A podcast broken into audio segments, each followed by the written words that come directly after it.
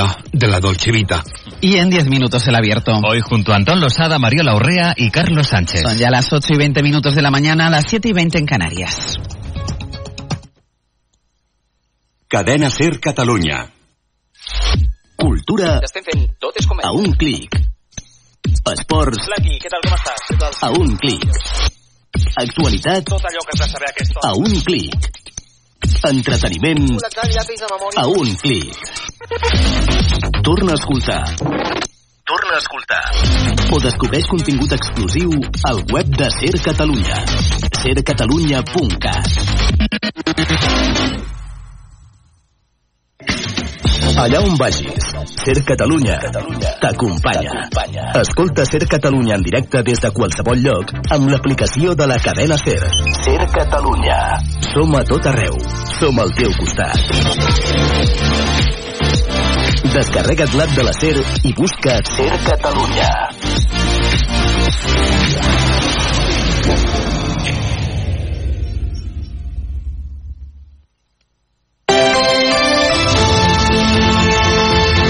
Hoy Cataluña. Susana Ruiz.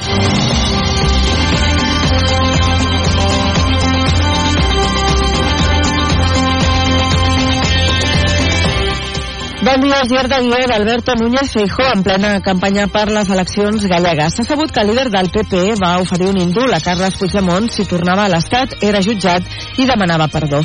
El canvi de discurs ha sorprès els membres del seu propi partit, mentre que el PSOE i els comuns ho critiquen. A tot això, Junts guarda silenci.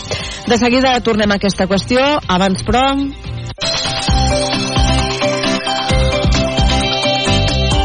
Quin temps ens espera avui, Jordi Carbó?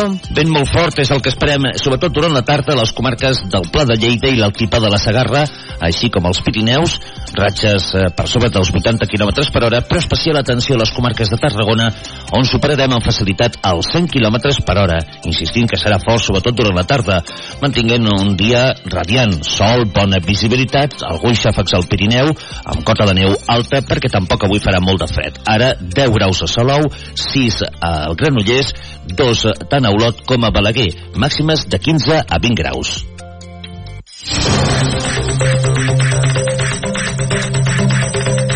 Ens interessem també per l'estat del trànsit a les carreteres catalanes. Anem al RAC. Àlex Huguet, bon dia. Molt bon dia, ja registra una avaria a aquesta hora al tram de Sant Cugat del Vallès en sentit sud a la B30. Hi ha un vehicle apartat al voral i per ara no registren pràcticament aturades. A la resta de vies es van omplint les vies habituals, com sempre, al Papiol, a la P7 en sentit sud, la 2 a Sant Joan d'Espí, a l'enllaç amb la B23 cap a Barcelona o a la C58 arribant al Nus de la Trinitat, també a Barcelona. I pel que fa a les rondes, la que va més plena en sentit Llobregat, ara és la ronda de dalt des de Santa Coloma fins a Horta durant 4 quilòmetres i també es va omplir la litoral ara des de Sant Adrià i el Fòrum fins al Poble Nou. És tot des del RAC. Bon dia.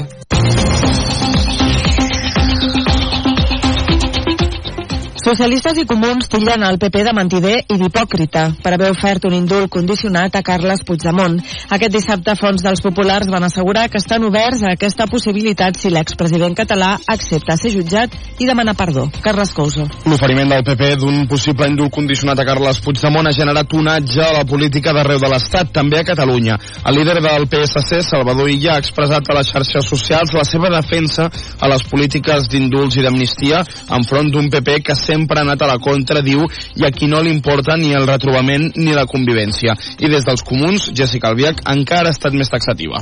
Feijó és un mentider i un piròman que pel dia estava incendiant Catalunya i que per la nit el que estava fent era parlant amb Junts d'una possible amnistia o d'un possible indult a Carles Puigdemont. Per la seva banda, el Partit Popular Català manté que això no suposa un canvi de guió respecte al que deien fins ara, mentre que Junts es manté en silenci.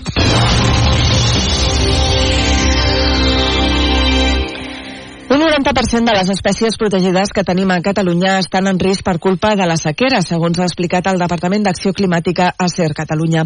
Els més afectats són els amfibis, però pràcticament totes les espècies en pateixen alguna conseqüència. Arnau Baquer. El director general de Polítiques Ambientals de la Generalitat, Marc Vilaur, diu que les conseqüències de la sequera són diverses en els animals. a que els afecta d'alguna manera o altra. O sigui, els afecta amb una reducció de, de, de l'alimentació, o els afecta amb, amb més dificultat per trobar amagatall per hàbitat, o els afecta directament, diguéssim, amb, amb, amb la capacitat de supervivència o de reproducció, o fa que s'hagin de moure més.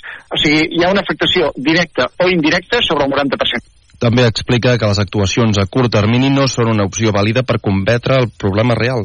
Podem fer una actuació específica, no?, de, de doncs, doncs, a posar abeuradors, o, o, però el que no podem fer és artificialitzar el cicle de la natura a tot Catalunya, i més sapiguem que l'aigua eh, és limitada, mm, tant per nosaltres com per la resta d'espècies. Vilaur també diu que l'estrès hídric de la vegetació fa que aquesta generi menys fruits i, en conseqüència, menys, menys aliments pels animals. I seguim encara amb la qüestió ambiental perquè 4 de cada 10 viatges que es fan en cotxe a l'àrea metropolitana de Barcelona es podrien fer en transport sostenible en un temps similar. Aquesta és una de les conclusions d'un estudi de l'Institut Metròpoli de la UAB que també té en compte les condicions socials dels qui decideixen viatjar en cotxe. Diu l'estudi que el 40... Diu l'estudi que el 40% dels trajectes que es fan en cotxe tenen una alternativa menys contaminant que no suposa cap gran esforç de temps i diners als usuaris. En concret, es podrien estalviar un milió de trajectes en cotxe. Per aquests hi hauria diverses alternatives. La principal és la bicicleta elèctrica, que salvaria 980.000 trajectes, però del milió de trajectes en cotxe també n'hi ha una bona part que es podrien salvar en transport públic, uns 640.000. Tot i així, els autors de l'estudi recullen que perquè això fos possible s'haurien de millorar les condicions d'aquests transports. Les trobades al telèfon d'emergència 112 van augmentar gairebé un 4% durant l'últim any.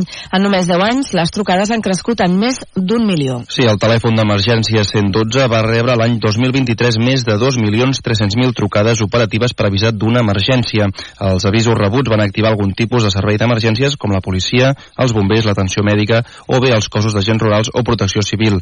La majoria de trucades, unes 800.000, van ser sobre seguretat un 8% més que l'any anterior seguides de les d'assistència sanitària, que són unes 660.000, que s'han mantingut gairebé igual que l'any passat. Han augmentat també els avisos relacionats amb el trànsit un 4%, però n'hi ha hagut un 2,5% menys per casos d'incivisme. Els programes de tres escoles de negocis catalanes tornen a estar entre els millors del món, segons el Financial Times. Destaquen per la seva formació en solucions climàtiques perquè les empreses redueixin a zero la seva petjada de carboni. Ens ho explica Marina Segura. Són els MBA i el programa estrella de les escoles de negocis d'IS, ESADE i EADA Business School. La primera es manté a la part alta del rànquing i el seu MBA és el cinquè millor del món segons l'estudi del Financial Times. ESADE escala 13 posicions i se situa al 17è lloc amb una qualificació mitjana d'un 9. Pel que fa a EADA també millora en el rànquing i és enguany la número 94. Les escoles de negocis celebren que es valoren factors com l'educació medioambiental. si tenen una formació més eh, holística que els hi fa pensar de tots els indicadors, evidentment no només a l'econòmic, sinó els impactes de les seves accions, això serà una contribució molt necessària que té el nostre, nostre món, planeta, societat, equips... És Jordi Díaz, director general d'EADA Business School.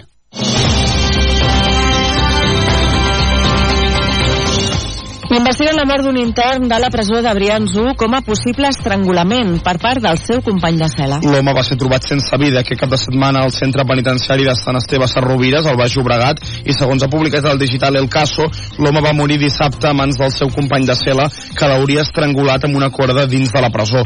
Des de la Generalitat, però, han demanat prudència pel que fa a les causes de la defunció, que, com dèiem, s'estan investigant. I la Policia Nacional ha detingut a Barcelona i a l'Hospitalet de Llobregat tres líders d'una mare, que és el nom amb què es coneixen les bandes llatines, molt violenta.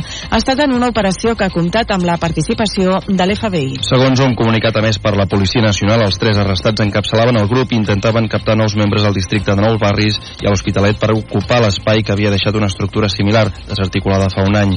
La investigació va començar el mes d'octubre passat quan la policia va tenir coneixement de les amenaces i agressions que estaven patint a Barcelona diverses persones d'origen llatinoamericà a mans d'uns individus que presumien de ser integrants de la banda.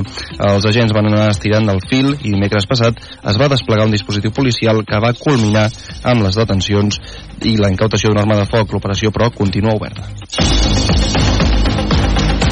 I anem ja amb els esports. El Barça torna a caure a la classificació i se situa a 10 punts del Madrid després d'empatar a Montjuïc contra el Granada. Joan Tejedor, bon dia. Bon dia. Els errors defensius del Barça desllueixen el primer doblet amb el primer equip de la Yamal, que va fer el primer i l'últim gol d'un partit en què el Granada, penúltim de la Lliga, va arribar a estar dues vegades per davant el marcador i cap al tècnic del Barça, Xavi, és una metàfora de la temporada. Sobretot per, per aquests errors defensius que ens estan marcant la temporada. Mm, molts gols encaixats, massa, masses. En resum diria que el, els errors defensius ens estan, ens estan matant. L'empat a 3 contra el penúltim va deixar els ànims força calents a la llotja de Montjuïc entre els dirigents del Barça, sobretot el president.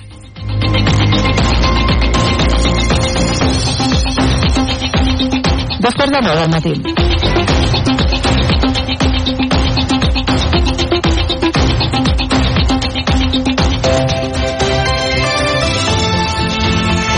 En la cadena Ser, hoy por hoy, con Ángeles Barceló. Son las ocho y media de la mañana, las siete y media en Canarias. CaixaBank patrocina este espacio.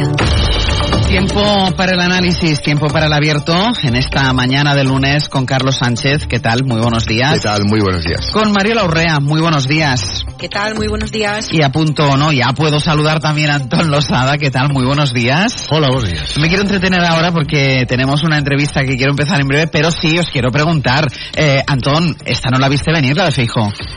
No, la verdad no. Casi hoy no se conecta. Claro, o sea, estás todavía recuperándote. No, no, no, no. No, recuperándome no. Yo es que como creo que tenía que haberle hecho hace tiempo, estoy tranquilo, estoy más tranquilo. Ahora estás más antes. tranquilo, vale. Sí. ¿Y tú, Mariola, esta no, O sea, a mí lo que me llamaba la atención es que no lo hubiera dicho antes, sinceramente. esta no la viste venir tampoco, Mariola? Eh, No, de hecho pensaba que era broma. Cuando